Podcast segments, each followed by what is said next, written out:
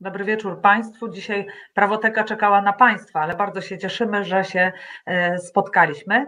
Mm, przystępujemy chyba niezwłocznie do rozmowy, bo tematów całe sporo. Jak Państwo widzicie, naszym dzisiejszym gościem jest e, pan sędzia Igor Tuleja. Cześć Igor. Cześć, dobry wieczór. Dobry wieczór, cześć. Dobry wieczór, cześć. A program e, poprowadzimy ja, Jolanta Jerzeska i Marta, Marta Korzuchowska-Warywoda. Cześć Marta. Cześć, witam e, serdecznie Państwa. E, ja tylko powiem, że po tej lekkiej burze, którą dostałyśmy za ostatni program, e, będzie dzisiaj aktualnie, będzie dzisiaj ciekawy gość i będziemy poruszać oprócz tematu oczywiście orzeczeń. Ktoś ma jeszcze przyjść? Ktoś ma jeszcze przyjść? Tak, zaprosiliśmy jeszcze sześć osób i wpadnie święty Mikołaj. Ale e, i obiecujemy, że nie będziemy się, proszę Państwa, promować, no bo to, za to też nam zmyliście głowę, chociaż nie taka była nasza intencja. Ale. No, chciałabym powiedzieć, Jolu, jeżeli jestem już tak. przy głosie, że oczywiście porozmawiamy o bardzo istotnych orzeczeniach, które zapadły w ciągu ostatnich dwóch tygodni w sprawach sędziego Igora Tulei, ale myślę, że nasi goście i wszyscy chcieliby posłuchać troszeczkę o sprawie z Poznania. Myślę, że się nie mylę i myślę, że to jest sprawa, która e, rozpętała poważną dyskusję w kilku aspektach, więc zacznijmy od początku, może od wyjaśnienia kwalifikacji prawnej, mhm. e, co z tej kwalifikacji wynikało. Mhm. E, no dobrze. E, ja zacznę może, ale potem oddam Tobie e, głos. Zreferujemy Państwu, o co między chodziło, bo dzisiaj wiemy już zdecydowanie więcej, ale cała burza wybuchła, tak myślę, czy zdarzyła się, przetoczyła się nad nami w piątek, kiedy to minister sprawiedliwości oświadczył, że doszło do wydania niesprawiedliwego wyroku. To się oczywiście mogło zdarzyć. To niesprawiedliwego. Minister sprawiedliwości powiedział, że doszło do rozboju sądowego, także do. Że jeśli doszło do rozboju, to był to rozbój sądowy na e, e, pani skazanej Marice M. To już dzisiaj wiemy, ponieważ sąd pozbawił ją e, wolności. No i pierwsze refleksje były takie, że właściwie nie mamy żadnych szczegółów. I ja myślę, że to jest pierwszy zarzut do tej sprawy, nad tym może się zatrzymajmy na chwilę. Czy nie wydaje Wam się, i to zresztą pomyślałam sobie, że tutaj paradoksalnie jest pewna analogia pomiędzy Twoją sprawą, Igor, a właściwie może nie tyle Twoją sprawą, ile sprawą, którą prowadziłeś i która sprowadziła na Ciebie burzę, że w tej sprawie również e, w rozmowie, nie wiem czy słowo rozmowa jest odpowiednim, w przestrzeni publicznej było mało argumentów, mało faktów, a dużo e, na początek emocji, złych ocen, okropnych słów e, i to ze wszystkich stron. Nie wydaje Wam się, że w tym zakresie ta sprawa jest trochę podobna? Igor, jakbyś tak się zastanowił? Um, tak, tylko nie wiem, o którą sprawę chodzi, bo ja mam wrażenie... O tą sprawę, w której ujawniłeś y, rzekomo tajemnicę, pozwalając dziennikarzom... Tak. Słowo. No, to znaczy bo, tak. No, bo... Mhm.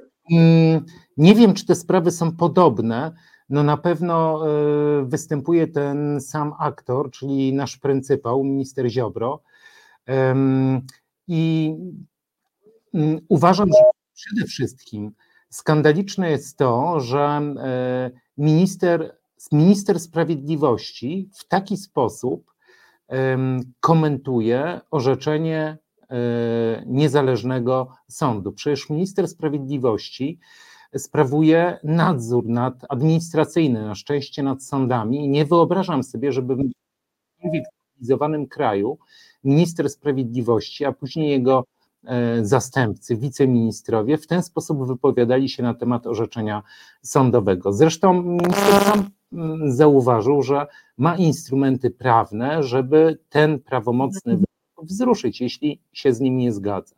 Natomiast mm, nasz szef, e, przepraszam, szef Marty działa E, tak jak działa i pewnie się już wszyscy do tego przyzwyczaili. Dlaczego mówisz, że mój szef, a nie twój szef? No to Joli, szef Joli, ona jest e, no, no niestety, możemy służyć słowa niestety. Wiecie co, ale bo popatrzcie, ja mówiąc o analogii, nie miałam oczywiście podobieństwa e, tematycznego spraw, tylko wtedy też była rozmowa o tym, jaki to sędzia jest niedobry, jak to naruszył prawo, jak to naruszył wszelkie możliwe wartości, ale nie było mowy o tym, co konkretnie się stało, jakie rzekomo przepisy zostały naruszone.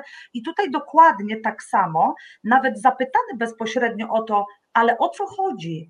Proszę powiedzieć coś więcej o tej sprawie. Odesłał dziennikarza do akt sądowych, a okazało się dzisiaj, że kiedy dziennikarze zwrócili się o te akta, to nie mogli ich dostać, dlatego że one są w Ministerstwie Sprawiedliwości. Może jest po prostu nieśmiały i dlatego tak odpowiedział na tej e, konferencji e, prasowej. Tak. Tak, myślisz? Ja myślę, że. To znaczy tak, jeszcze wiem, co chciałem powiedzieć, bo mm, dla nas mm, to jest chyba oczywiste, ale może wątpię, żeby nas ktoś słuchał, czy, czy tym bardziej oglądał, ale może kiedyś ktoś wróci do tej audycji, 74 ale osoby. wydaje mi się, że y, wszyscy powinniśmy pamiętać o tym, że prokuratura to jest po prostu jedna z dwóch stron procesu karnego. Na moim przykładzie i z mojego doświadczenia wynika, że bardzo często oficjalne komunikaty prokuratury e, są kłamliwe. Ja to widzę po moich sprawach, e, a tym bardziej jak kłamliwe są prokuratury, komunikaty prokuratury, tym bardziej kłamliwe są bardzo często komunikaty prokuratora generalnego. Ja na przykład, wracając do sprawy moich pierwszych pytań prejudycjalnych, Prokuratura powiedziała, że chodzi o gang obcinaczy palcy, że mm, mm, pokrzywdzeni nie mogą się doczekać sprawiedliwości i tak dalej, i tak dalej. Natomiast mm, pytanie zostało zadane na kanwie takiej sprawy, gdzie nigdy na żadnym etapie postępowania karnego, również na etapie postępowania prokuratorskiego wobec trójki oskarżonych nie stosowano żadnych środków zapobiegawczych, nawet wolnościowych. Co do pokrzywdzonych, Jeden pokrzywdzony zaprzeczał, aby był uprowadzony, drugi twierdził, że nic nie pamięta, a trzeci pokrzywdzony nigdy nie został ustalony. myślałam, że umarł, bo już nie pamiętałam tego. Tak, oczywiście, ja się tutaj z Tobą zgadzam, ale e, jeszcze raz wróćmy zatem do sedna, bo ja może trochę wy, wyprzedziłam moją e, dygresją e, na margines. Wróćmy, wróćmy do sprawy. Jakbym tak. miał takie okulary jak Jola, też bym się rozpraszał. Dobrze, chciałam, e, chciałam proszę Państwa powiedzieć, żebyście Państwo nie zwracali uwagi na e, dowcipy pana sędziego w tym sensie, że on doskonale wie, że Państwo nas oglądacie, ale po prostu jest dowcipny i autor ironiczny, dlatego odejmuje sobie trochę, e, trochę wartości. No dobra, czyli dowiedzieliśmy się, że została zwolniona po roku E, spędzonym w więzieniu, pani Marika. E, zaprezentowano nam e, jej wizerunek, taki no bardzo patriotyczny, w berecie, harcerski niemalże, szybko zestawiony zresztą z jej domniemanymi zdjęciami w nieco innym anturażu i outlooku. Natomiast, natomiast nie było wiadomo, co jest grane. Właściwie to dopiero dziennikarze zaczęli dochodzić E, co się de facto stało, prawda? Tak było, Marta. I sędziowie, bo sędziowie na e, forach, na których się spotkamy, także staraliśmy się ustalić, o co tak naprawdę e, chodzi, prawda? I zacznijmy od samej kwalifikacji czynu. To, co mhm. wiemy, bo oczywiście nie, nie, nie mamy przed sobą akt sądowych, no ale z materiałów prasowych, z informacji, które zostały udostępnione opinii publicznej, wynika taki stan faktyczny, że młoda osoba pokrzywdzona wychodziła ze sklepu żabka z tęczową torbą. Bez lokowania produktów. Bez lokowania produktów. Którą, ze sklepu. Ze sklepu e, z zielonym szyldem. E, z który, e, I podczas tego wychodzenia to było chyba zbieżne czasowo z marsz z Paradą Równości w Poznaniu. Podeszła do niej grupa osób, wśród której znajdowała się pani Marika, co do której mamy teraz całą tą głośną sytuację związaną z orzeczeniem i próbowała ją, jej tą torbę wyrwać z ręki. E, pokrzywdzona stawiała opór i tej torby nie chciała e, sobie pozwolić wydrzeć. E, I prokurator uznał, że był to rozbój, czyli że było to użycie. Znaczy, inny prokurator niż generalny. Tak, prokurator, który prowadził postępowanie przygotowawcze w tej sprawie i skierował akt oskarżenia do sądu. Prokurator to zachowanie zakwalifikował jako rozbój, czyli kradzież z użyciem przemocy. Ta przemoc e, z informacji prasowych miała polegać na tym, że właścicielka torby była szarpana. E, pojawia się też informacja o tym, że wykręcono jej prawdopodobnie palec. I no, wykręcono e, na tyle, że to były obrażenia poniżej 7 dni. Czyli tak. artykuł 157 paragraf 2 kodeksu karnego, czyn ścigany z oskarżenia prywatnego, ale prokurator oczywiście może objąć ściganiem taki występ. No tak, ale nie w wypadku, gdy on jest połączony z chęcią zabiorу zawierają w sobie użycie przemocy i nie wyszczególniałabym, że ta przemoc skutkowała naruszeniem e, czynności narządu ciała poniżej 7 dni. Mamy tutaj różne zapatrywania, jeśli chodzi o kwalifikacje, natomiast e, no nie, nie, ale Marta, poczekaj, no bo e, to ma znaczenie jednak, bo czym innym jest kogoś lep, lekko popchnąć albo szarpnąć za ramię i wówczas to będzie jednak naruszenie nietykalności cielesnej tylko, a czym innym jest jednak spowodować przed wejściem na antenę rozmawialiśmy z Martą na ten temat i wyjaśniłem jej, że dlatego jest sędzią rejonowym, bo jakby nie rozumie prawidłowej kwalifikacji. Ja myślę, że z zupełnie innych powodów Marta jest sędzią e, rejonowym, chociaż nie powinna nim być. Nie dlatego, że nie powinna być w ogóle, ale dlatego, że powinna pełnić może moim zdaniem nieco wyższe stanowisko, ale nie zmienia to faktu, że rzeczywiście to ma znaczenie Marta, bo to ma potem znaczenie dla oceny no, tego czynu, prawda? Tego, co się zrobiło. Jeżeli to by były uszkodzenia ciała powyżej 7 dni e, bądź ciężkie, to uważam, że powinny być w kwalifikacji, ale jeśli są poniżej 7 e, dni i ten czyn automatycznie jest ścigany z oskarżenia e, prywatnego i wymaga objęcia przez prokuratora ściganiem, to ja akurat stoję na stanowisku, że niekoniecznie musi znaleźć się w kwalifikacji prawnej, ale wróćmy do. Ale poczekaj, Marta, ale przecież, przepraszam Państwa, my się teraz tu specjalistujemy, ale przecież to był element znamion użycie przemocy polegającej na tym, że spowodowano u niej obrażenia. I to był element do rozwoju. Nie ma tutaj 157, bo ja akurat już, proszę Państwa, posiadam i uzasadnienie i wyrok zanonimizowany, i tutaj nie ma absolutnie e, e, kwalifikacji dotyczącej obrażeń. Ona się zawiera w kwalifikacji rozwoju. Ale to jest najważniejsze. Obrażenia, dokładnie. Tak, w zarzucie. Tak są Jest to... tak napisane. Powiem Państwu, tylko boję się, że to nie będzie dla Państwa ciekawe. Przeczytam Państwu cały zarzut i nie jest tutaj napisane, że to był ten sklep, który wymieniła Marta.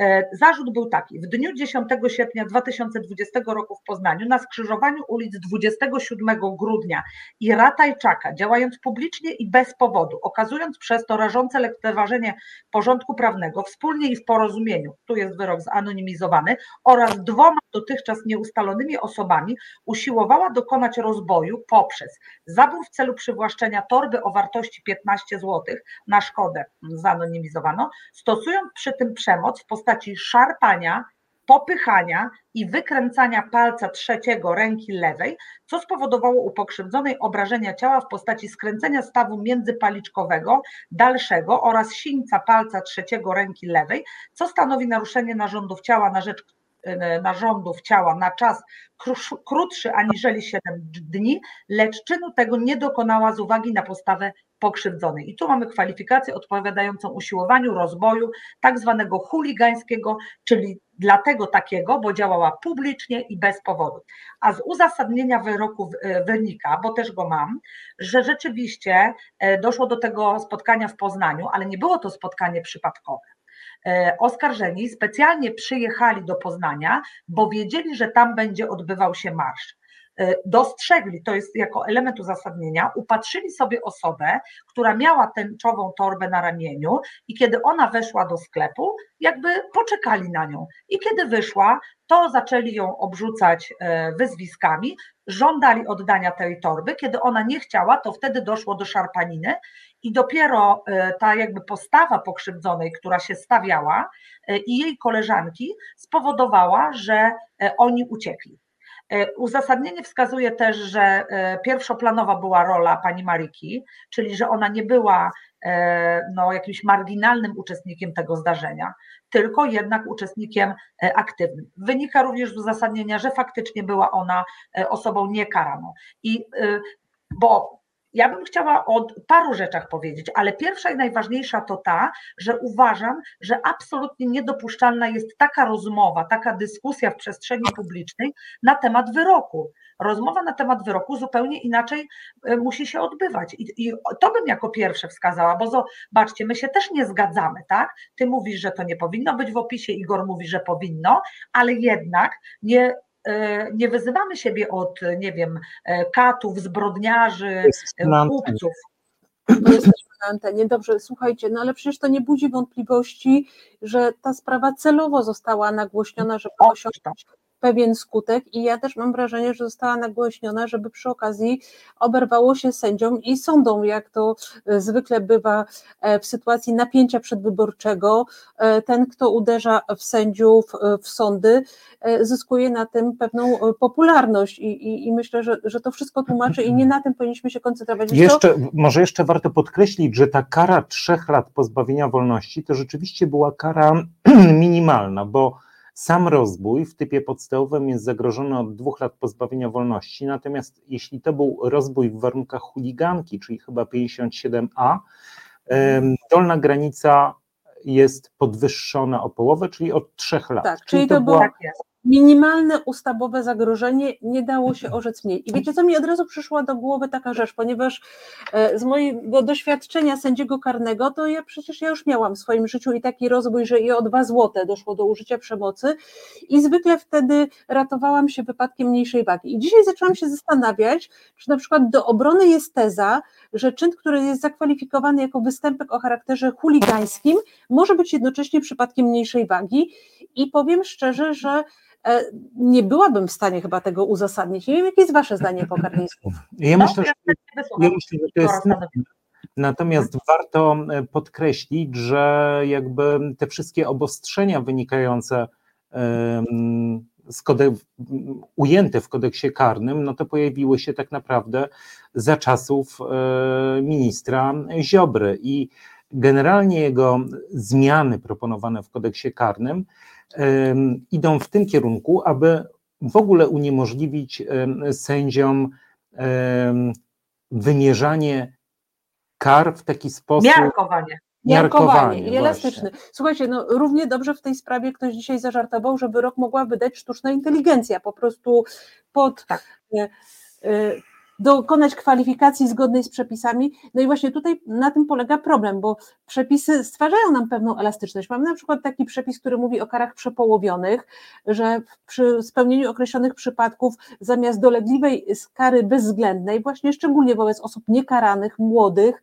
które dopuszczają się jakiegoś nagannego czynu, można orzec e, karę do 6 miesięcy bezwzględną pozbawienia wolności i jako drugą część tego orzeczenia karę ograniczenia wolności. I ja na przykład sprawdzałam, czy w tej sprawie byłoby to możliwe i w trybie podstawowym nie byłoby to możliwe, e, ponieważ czyn nie może być zagrożony karą surowszą niż 10 lat. Trzeba by było właśnie zastosować wypadek mniejszej wagi pod warunkiem, Ale poczekaj, że... poczekaj, poczekaj, bo musimy to Państwu wyjaśnić. Chodzi hmm. o to, proszę Państwa, że jeśli przestępstwo rozboju, pan e, Arsenel Galu pisze, zaszarpanie torby 3 lata więzienia, już powiedziałam, z e, zarzutu wynika, że nie chodzi tylko o szarpanie torby, chodzi też o popychanie e, i wykręcanie ręki pokrzywdzonej. I teraz musicie Państwo zrozumieć, że istotą przestępstwa rozboju jest zastosowanie jakiejkolwiek, najdrobniejszej nawet przemocy skierowanej przeciwko osoby. Wystarczy popchnięcie. To już jest rozbój.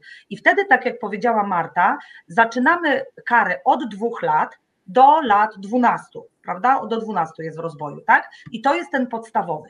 Możemy uznać, że to jest sprawa drobniejsza. Bardzo często powodem takiego uznania jest na przykład to, że siła była drobna, niewielka, może drobna, że kwota była niewielka. Też, też warto Państwu powiedzieć, że przy rozwoju e, wartość e, rzeczy nie ma żadnego znaczenia. E, bez względu na to, czy sprawca zabiera złotówkę, czy 100 tysięcy, jest to zawsze rozbój, jeśli używa e, przemocy. Przemoc. Albo groźby, nawet nie groźby. Który chroni jednocześnie dwa dobra prawne. Z jednej strony mienie, a z drugiej strony właśnie to dobra osobiste polegające na integralności cielesnej, nietykalności. I też, I też nie ma znaczenia, E, co sprawca ma zamiar zrobić z zabraną rzeczą, bo jeśli Dokładnie. nawet ją za chwilę wyrzuci, to i tak postąpi z nią tak, jakby był właścicielem tej rzeczy. Dokładnie. I to jest pierwsza odpowiedź na pierwsze pytanie para Ana Arsenka Galu. I proszę nam wierzyć, sama pomyślałam, poczekaj, sama pomyślałam, że to jest bardzo surowa kara. To jest, proszę Państwa, bardzo surowa kara. Ale tak jak Marta powiedziała, Słucham, jakkolwiek jest to kara najniższa z możliwych wymierzonych, bo Marta powiedziała jeszcze o wypadku mniejszej wagi, czyli to już zreferowałam, czyli takiej sytuacji drobniejszej, ale proszę zobaczyć, że przepis, który mówi o tym czynie chuligańskim, on jakby zaostrza karę, dlatego że doszło do tego publicznie, w sposób absolutnie nieuzasadniony, bez powodu albo z błahego powodu. No to jeżeli sąd z jednej strony by przyjmował, że rzeczywiście to jest czyn chuligański, ale z drugiej strony on jest mniejszej wagi, to to to jest bez sensu. Bo z no. jednej strony mówimy, to jest poważniejsza sprawa, a z drugiej, ale właściwie drobniejsza. Dlatego prawda jest taka, że niestety e, sędziemu związał rękę ustawodawca, a inicjatorem takich właśnie zmian jest pan minister i jego współpracownicy, prawda? Dokładnie tak. E, I nie powinniśmy wstawać? Jeszcze, jeszcze nie. E, ja myślę, że to jest jeden z takich znamiennych przypadków, który właśnie e, pokazuje teraz w praktyce, jak działa e, odbieranie sędziom elastyczności w miarkowaniu kar, jak mhm. działa taki populizm penalny. Dzisiaj padło takie sformułowanie z ust naszego rzecznika Bartka Przymusińskiego i to mi się bardzo podobało, bo to jest dokładnie przykład populizmu penalnego i myślę, że takich sytuacji mamy więcej i one wynikają właśnie z tego zaostrzania przepisów i odbierania e, sędziom możliwości miarkowania kar, bycia elastycznym, tak jakby ktoś nie miał do nas zaufania, że my sobie poradzimy stosując te przepisy prawa. I słuchajcie, takich sytuacji, że ja czasem siedzę na sali rozpraw i zastanawiam się, co zrobić i jak z tego wybrnąć, jest dużo. No, takim przykładem też jest zaostrzanie przepisów e, prawa w stosunku do pijanych kierowców, których oczywiście należy napiętnować i należy ich napiętnować e, w sposób systematyczny. Natomiast pijany kierowca pijanemu kierowcy nie jest równy równy, bo e, mamy sytuację, kiedy e, ktoś e, pije alkohol i bezpośrednio po spożyciu tego alkoholu wsiada do samochodu i jest poważnym zagrożeniem. I mamy sytuację takich kierowców, którzy napili się dzień wcześniej, obudzili się rano, będąc przekonanym, że właściwie alkohol już w ich organizmie nie wpływa na ich psychomotorykę, a badania pokazały, że są gdzieś na granicy tego stanu nietrzeźwości, a w jednym i w drugim przypadku minimalny wymiar zakazu prowadzenia pojazdu to są 3 lata. E, plus dodatkowo świadczenia pieniężne w kwocie 5 tysięcy złotych. I to jest też taki przykład, kiedy. Ale ja... Marta, ale ty dodaj pieprzu do tej sytuacji, bo jednocześnie e, ten człowiek jest na przykład jedynym żywicielem rodziny, którego zawodem jest to, że jeździ samochodem e, zawodowo albo musi go wykorzystywać do pracy. Oczywiście każdy powie, że on jest sam sobie winien, ale proszę Państwa, no, jego rodzina też ponosi konsekwencje takiego zdarzenia, prawda?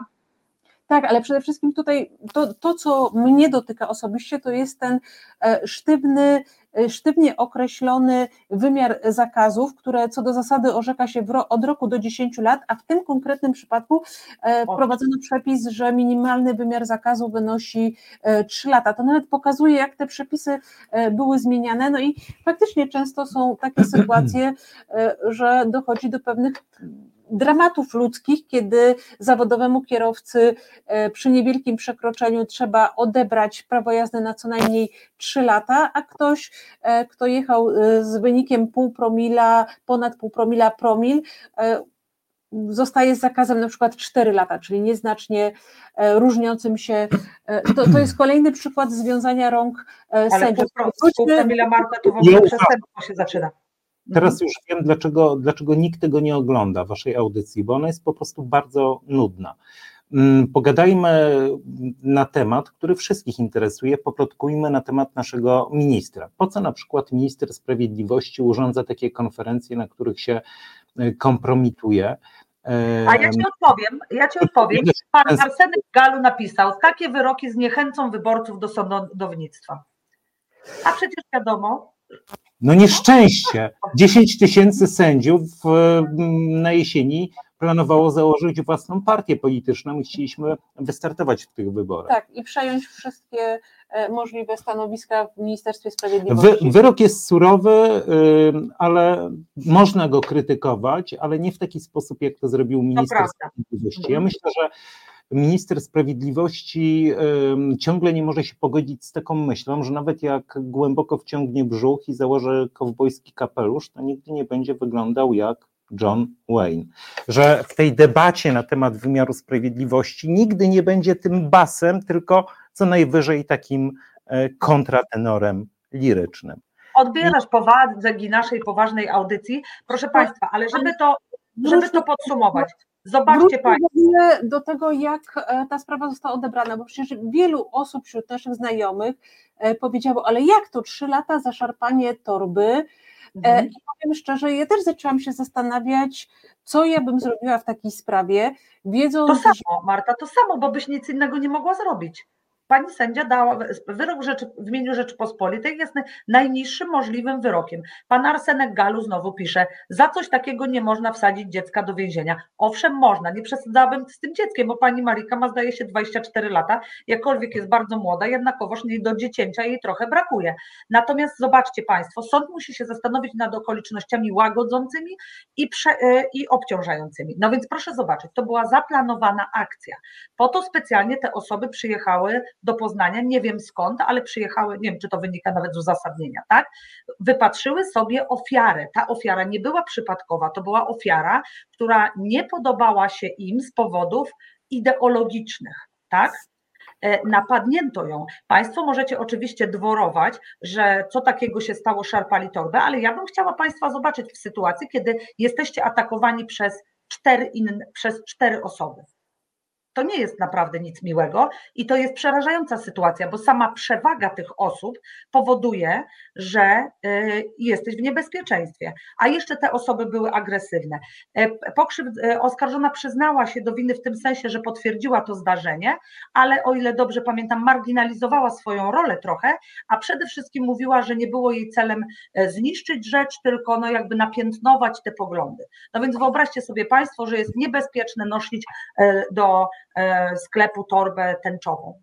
Absolutnie jeszcze, Państwo macie prawo nosić torbę, jaką e, chcecie. Jeszcze, jeszcze a propos e, pytania tutaj na, na czacie i tego hmm. młodego wieku, absolutnie się zgadzam, że ta sprawczyni no, jest w takim wieku, że jeszcze istnieje szansa na jej resocjalizację. Natomiast też taka ciekawostka, pamiętajmy o tym, że między innymi pomysłem e, ministra Ziobry jest to, aby wiek e, jeszcze odpowiedzialności karnej. Do 14 roku życia. Do 14. Teraz mamy 17 lat.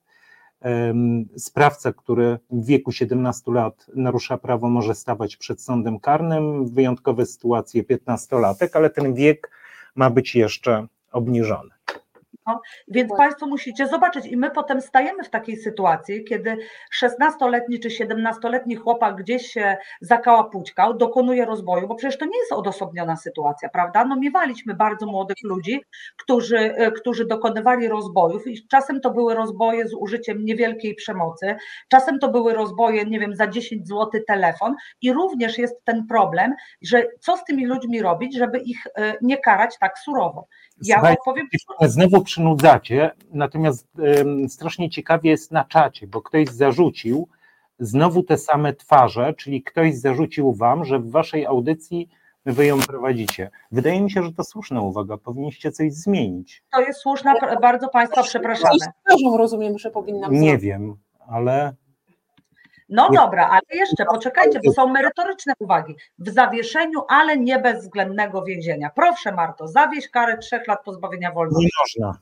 Minister Ziobro tak zmienił kodeks, że kary w takim wymiarze nie można, nie da się zawiesić. Ale ja Nic z nią nie można zrobić. Że wcześniej można było zawiesić maksymalnie karę dwóch lat pozbawienia wolności.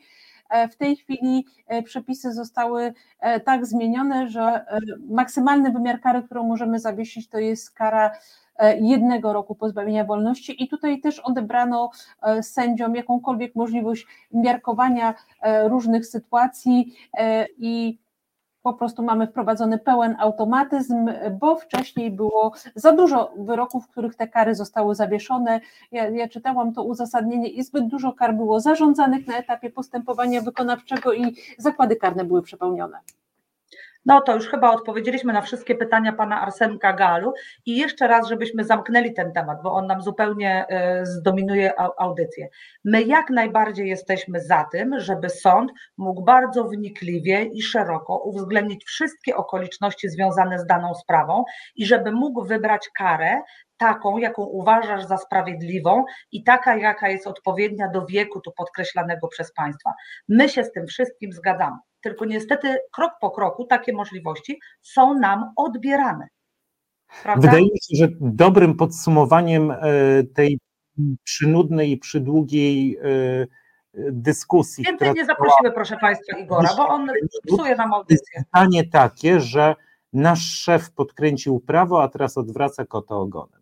Bardzo dobrze, ale tutaj jeszcze Charlie Belt e, prosi tak, jeszcze raz, wyjaśnijcie z łaski swojej, że wy sędziowie macie stosować prawo, które powstaje dzięki na przykład Ziobrze. Sędziowie nie tworzą prawa. No nie, no bo mamy tak skonstruowany system, że mamy odrębną władzę ustawodawczą, odrębną władzę wykonawczą i odrębną władzę sądowniczą. Póki co, jeszcze. Jeszcze. Ale jeszcze. to długo nie potrwa. Ale zobacz, pan Charlie Belt ma drugi, y, jak najbardziej trafny komentarz, y, że 0,5 u Kowalskiego to nie to samo, co 0,5 u Nowaka. Bezwzględne limity zabijają życiowy aspekt każdej sprawy. To po co w ogóle sąd.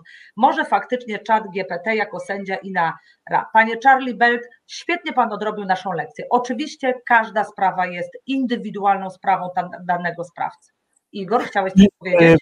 E, to pytanie zainspirowało mnie do tego. Też Państwu e, polecam warsztaty justicji na najbliższym Poland Rock Festiwalu.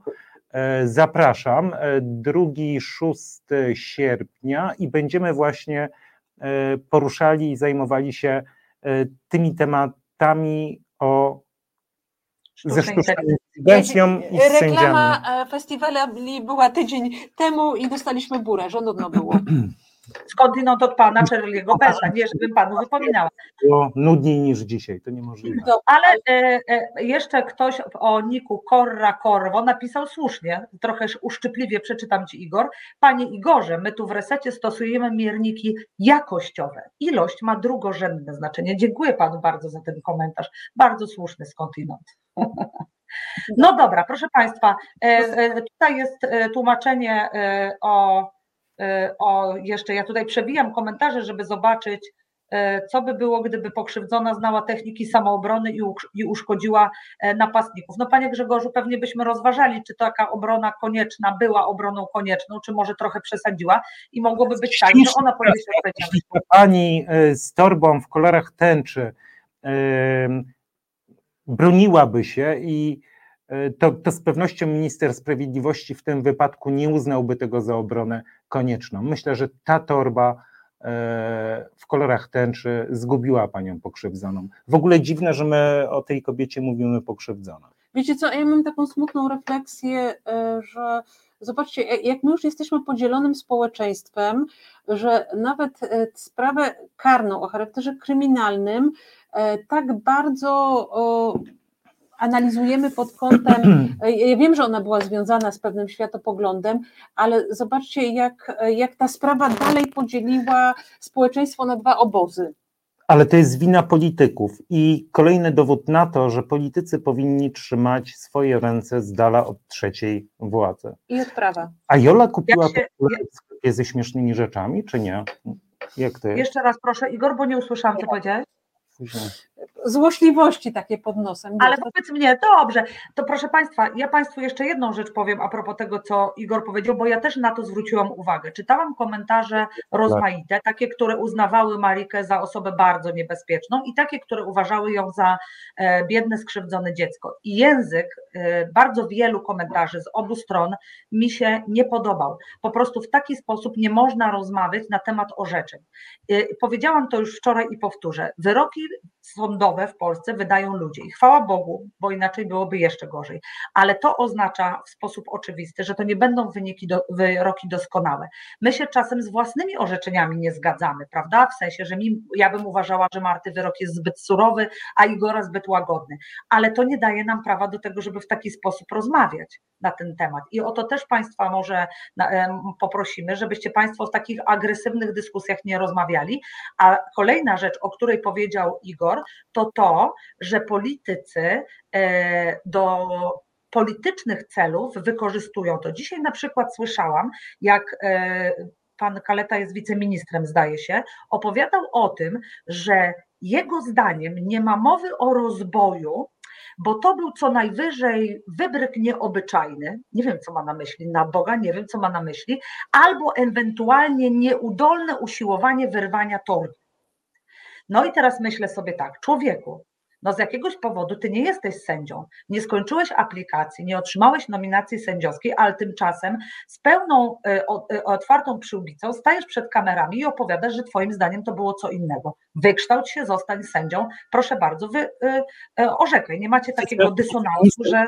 Wiceminister Kaleta z wykształcenia jest radcą prawnym, czyli wydaje się, że merytorycznie jest przygotowany żeby się wypowiadać na, na tematy prawnicze, ale powinien to robić e, uczciwie. No nie ma przestępstwa wyrwania czy usiłowania wyrwania. Nie, nieudolnego usiłowania, nieudolnego usiłowania wyrwania. Albo kradzież szczególnie zuchwałą, też przestępstwo, które pojawiło się za czasów ministra e, Ziobry. No ale jaki minister, tacy i wiceministrowie. Czy wy no. chcecie mnie sprowokować, żebym powiedziała wam o stanach faktycznych nieobyczajnych Porozmawiamy o okularach Joli, bo to jest no, właśnie. fascynujące.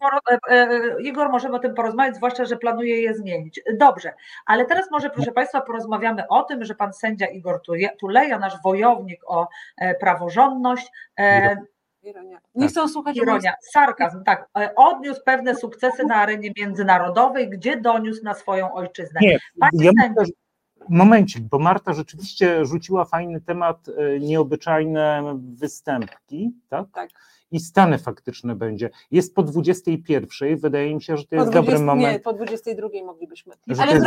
widzicie Państwo, czemu my musimy opowiadać o openerze, no bo inaczej naprawdę pan sędzia przyjdzie i nam zrujnuje e, audycję, a Państwo jeszcze go lubicie. No to jest w ogóle jakieś niesprawiedliwe.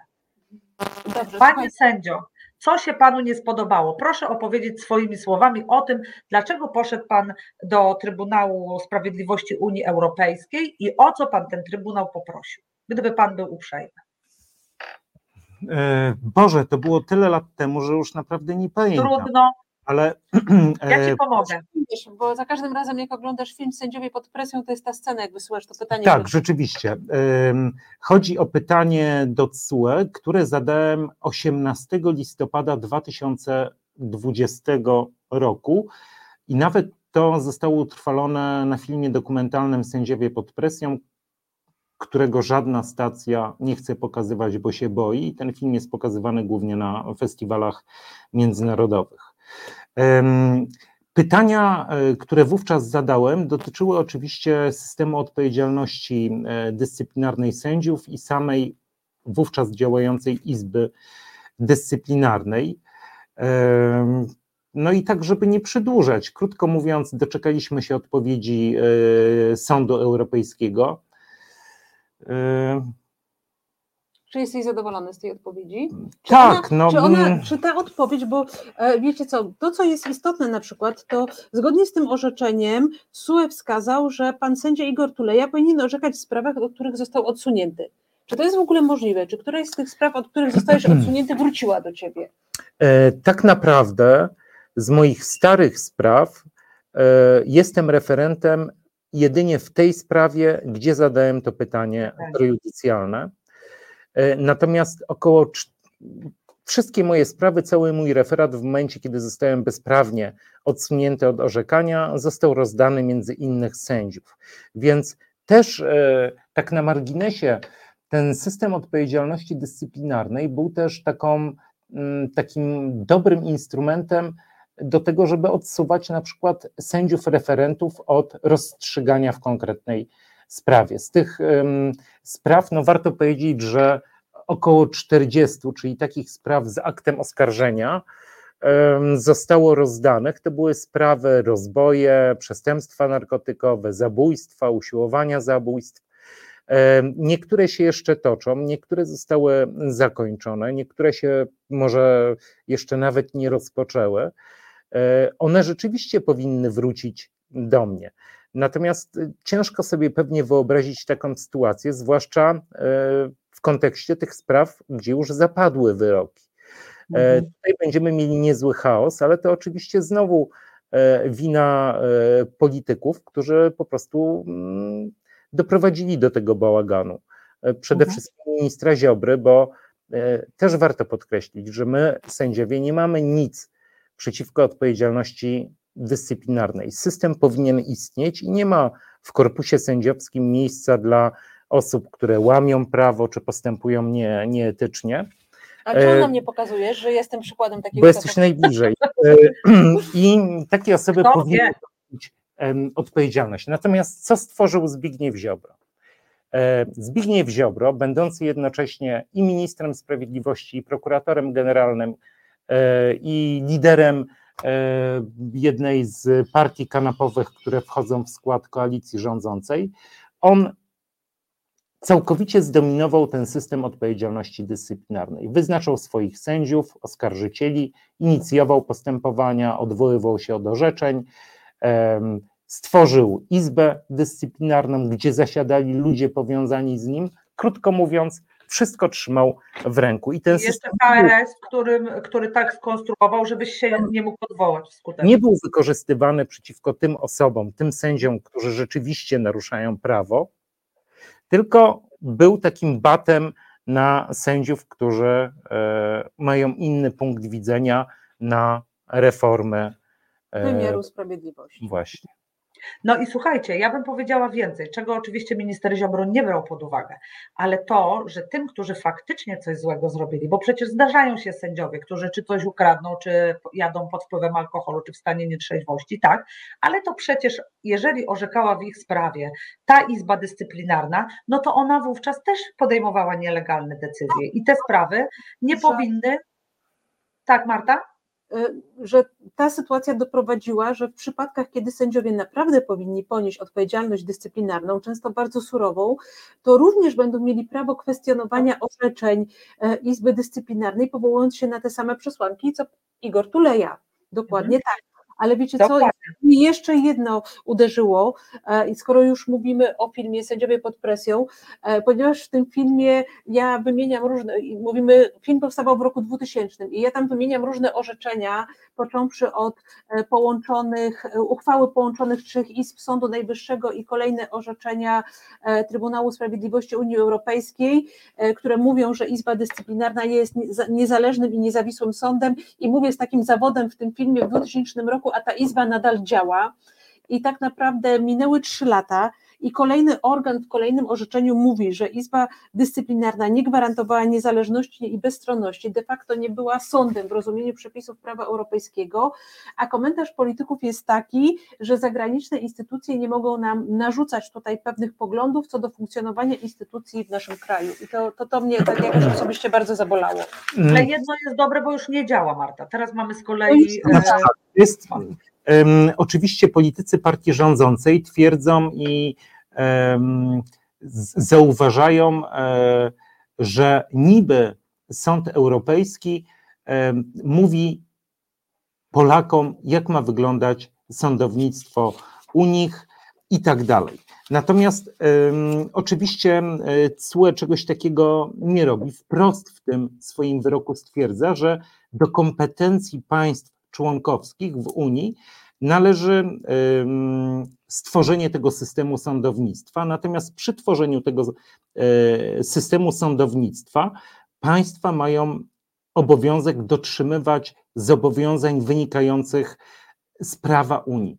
Czyli każde państwo może sobie stworzyć sądy, jakie chce i może je ponazywać, byleby e, były przestrzegane zasady na których opiera się wymiar sprawiedliwości w każdym cywilizowanym państwie. Obojętnie, czy e, w naszym kraju wyroki będzie wydawała szeptucha z Podlasia, byleby ta szeptucha była niezależnym sądem i sama szeptucha była niezawisła. Jeśli są spełnione te warunki, mamy e, sąd w rozumieniu europejskim. Natomiast u nas partia rządząca czegoś takiego. swoich posłów rękami swoich posłów to wszystko zniszczyła.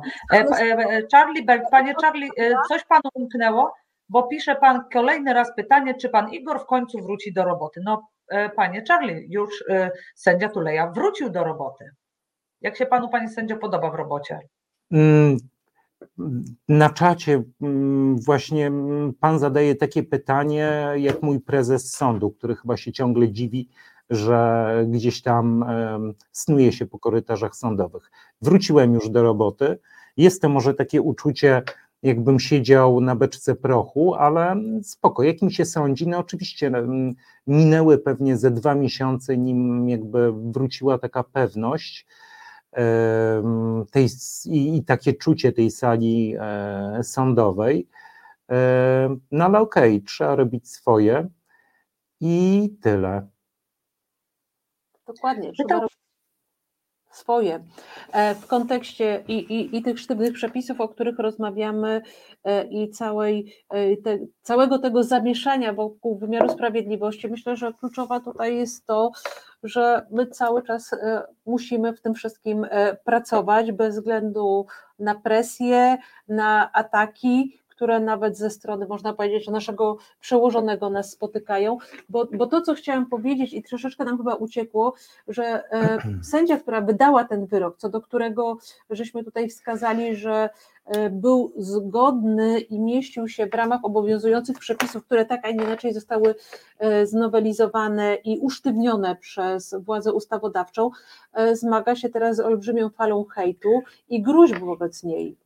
E, zwrócę uwagę, że e, metody, które są stosowane przez partię rządzącą, nie ma się co oszukiwać, żeby e, nasi politycy, politycy wymyślili proch. Mm, to byłby komplement wobec nich, ale oni powtarzają wariant turecki tak naprawdę, bo o tym przestrzegał nas sędzia Jawus Aydin, sędzia turecki, który uciekł do Europy Zachodniej przed Erdoganem i kiedy obserwował to, co się dzieje w Polsce, e, dostrzegał podobieństwa z tym, co się działo w Turcji.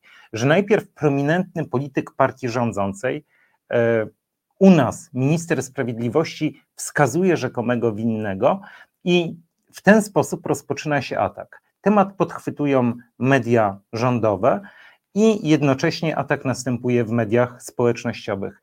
Jestem przekonany, że to jest tylko kwestia czasu. Zresztą, jak poczytamy w mediach społecznościowych te komentarze, tam wprost się nawołuje do e, fizycznej eliminacji e, sędziów. Więc ja myślę, że to jest tylko kwestia czasu, kiedy e, do takiej tragedii dojdzie. Ale ja Wam powiem więcej. Widziałam gdzieś w przestrzeni publicznej zdjęcie pani sędzi to raz. Potem, ale nie wiem, czy to jest informacja prawdziwa, ale taką przeczytałam, że został ujawniony jej adres a dzisiaj już przeczytałam artykuł, z którego wynika, że prześledzono wiele orzeczeń pani sędzi i umówiono, to za słabe orzeczenie, to za łagodne, nikt nie był tak e, potworny jak Marika, podczas gdy znowu tych, y, ja to tylko tak przeleciałam wzrokiem, ale dojrzałam pewną manipulację, bo na przykład mówiono o tym, że skatowano policjantów, tak? A potem się pisze, że ta osoba została oskarżona o naruszenie nietykalności cielesnej y, policjantów, a zatem pomiędzy skatowaniem a popchnięciem policjanta jest jednak dramatyczna różnica. E, znowu pan Charlie Belt pisze, znaczy nie, nie żebym e, pana łajała, że pan pisze, tylko że przywołuje pański komentarz. Ziobro wmówił tępemu narodowi, że konstytucja nie istnieje, wmówił, że minister jest panem i władcą, a władza sądownicza to żadna władza i się zdziwił. E, protestowałabym przeciwko tępemu narodowi. Niestety tak mi się wydaje, że oboje to potwierdzicie, że okazało się, że jesteśmy jako naród, jako obywatele obywatele słabo wyedukowani prawnie i to nie jest tylko wina obywateli, ale rozmaite czynniki się na to złożyły, e, a potem ten naród właśnie, który ma taką niezbyt gruntowną wiedzę, jest po prostu manipulowany. Proszę Państwa, my zanim wyjaśniliśmy sobie, przecież jesteśmy fachowcami, umiemy czytać, e, no nawet między wierszami trochę, ale zanim e, ustaliliśmy, co się w sprawie Maryki tak naprawdę stało, Pewnie to, to śmieszne i oni służą do czytania. Tak myślę. Wszystko się tak. wyjaśniło oczywiście. Ja jeszcze nie doszłam do tego śmiesznego. To proszę Państwa, my jesteśmy po prostu manipulowani. I dlatego. Yy, I wszyscy. Proszę bardzo, warto nosić przy sobie. Tak jest. Ja, ja bym chciała się jeszcze na chwilę zatrzymać, bo tutaj jest dość istotny komentarz, który wymaga wyjaśnienia. Pan Grzegorz Dalewski pisze tak. Kaleta powiedział, że nie zapłacą, bo Trybunał Konstytucyjny powiedział, że wyroki ETPC e, gdzieś mi uciekł. To jest inny tak, wyrok. To jest inny wyrok, ale powiedzmy. Ale równie słuszne, bo tak naprawdę wszystkie wyroki sądów europejskich to znaczy nie wszystkie, nie oszukujmy się, ale te dwa ostatnie, które dotyczą mojej osoby albo mają związek z moją osobą, są akurat słuszne. Czyli już mówię jak urzędnik z Ministerstwa Sprawiedliwości, że sobie wybieram te wyroki, które mi się podobają, a odrzucam te, które. Nie, nie, Igor, ty takich rzeczy nie mów, my nie możemy tego mówić. Ale Jeszcze no to Galu, poczekaj, bo masz trudne pytanie, teraz się wykażesz. Czy to nie politycy wybierają sędziów europejskich? Pisze Arsenek Galu. Proszę, panie sędziu. Um, czy to nie politycy wybierają sędziów europejskich? Wydaje mi się, że to jest troszeczkę bardziej skomplikowane mhm. bo y, rzeczywiście państwo y, wskazuje kandydatów na sędziów. Y, natomiast no, taki kandydat oczywiście przychodzi gęste sito i musi być jaki? Taki mądry jak ja. Co najmniej. Co najmniej. I, i mieć nieskazitelny. To państwo, moim zdaniem, to państwo składa rekomendacje, nie? Ale potem rzeczywiście tam są bardzo wyśrubowane wymagania. Ponieważ e, faktycznie państwo politycy wskazują kandydatów, natomiast później e, cała procedura e, już toczy się przed Sądem Europejskim. Ja tej procedury nie znam, więc nie będę się mądrzyć, przyznaję się do tego, że jej nie znam. no już jakby skompromitowałaś się przy samej kwalifikacji tego rozwoju, od którego zaczęliśmy. Ale też się pojawił ciekawy spis. Państwa, tutaj nie ma miękkiej gry. Politycy partii rządzącej bardzo często um, sięgają po przykłady Hiszpanii czy przykłady Niemiec, mówiąc, Niemiec. że tam są identyczne rozwiązania jak e, w naszym kraju. To nie jest prawda. Um, system niemiecki jest bardzo skomplikowany, natomiast um, tak naprawdę w odpowiedniku KRS-u w Hiszpanii e, zasiadają sędziowie, owszem, może są wybierani przez polityków, ale mm, zasiadają sędziowie reprezentujący sądy różnych e, szczebli i i tyle, no nie wiem, głównie bryluje... Poza tym mnie się wydaje, że w Niemczech jakkolwiek ostatecznie wybierają do tej Krajowej Rady ich sądownictwa, tego ciału, hmm. ciała, wybierają politycy, jednak, a to jest już bardzo duża różnica, wybierają spośród kandydatów skazanych przez sędziów. I to jest zupełnie inna sytuacja, prawda? Jakby nie, nie patrzeć, e, NeoKRS no nie jest powołany nie tylko z jakimiś e, standardami europejskimi, ale przede wszystkim z naszą konstytucją, z której wprost wynika, że tych 15 sędziów w KRS-ie wybierają u nas w Polsce sędziowie, a nie parlament, nie politycy. Natomiast nie wiem, no jeśli wiceminister Kaleta jest takim ekspertem od prawa hiszpańskiego. Nie wydaje mi się, ale, to, ale skoro wywołaliśmy KRS, to mamy jeszcze trzy minutki, że moglibyśmy chyba powiedzieć, że KRS chyba powinien zająć stanowisko w tej sprawie, prawda? tak, Patrzcie ale... Państwo, że KRS ani nie zainteresował się, kto, jaki ten wyrok jest, ani jego uzasadnieniem, ani słowa nie napisał.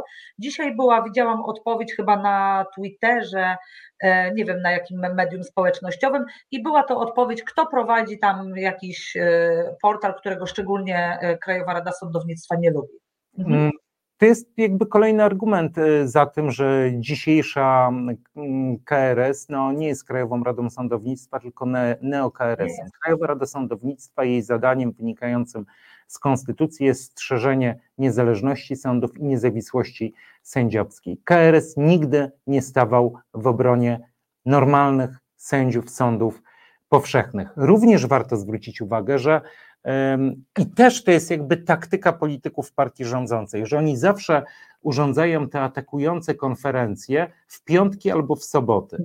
E, I Sąd Poznański, prezes nie wiadomo gdzie jest, rzecznik prasowy nie wiadomo gdzie jest, ale z drugiej strony to są też chyba e, funkcjonariusze mianowani przez ministra sprawiedliwości, więc trudno powiedzieć, e, trudno przypuszczać, żeby prezes czy rzecznik prasowy stawał w obronie sędziego Słuchajcie, sądu ale przede wszystkim poznańskiego. y, trudno też y, i myślę, że wszyscy o tym wiedzieli, na szybką reakcję w czasie weekendu sądu, który jest instytucją, która co do zasady w weekend nie pracuje, więc ja mam takie wrażenie, że ta, bo ta konferencja była w sobotę chyba e, w godzinach Natomiast kiedy przedpołudniowych, w piątek była? nie chwaląc się, kiedy ja byłem rzecznikiem prasowym Sądu Okręgowego, było to bardzo dawno temu, to bywało, że e, jak najbardziej udzielałem informacji w wolne dni. Dokładnie tak samo uważam. W żaden sposób bym nie tłumaczyła ani rzecznika prasowego, no pewnie nie sądu rejonowego Poznań Stare Miasto, tylko sądu okręgowego w Poznaniu, e, bo są sytuacje, w których trzeba reagować szybko. I to była taka właśnie kryzysowa sytuacja, w której dokonano nie nieudolnego, nie usiłowania, tylko zamachu na wymiar sprawiedliwości i on powinien był, był być e, odparty.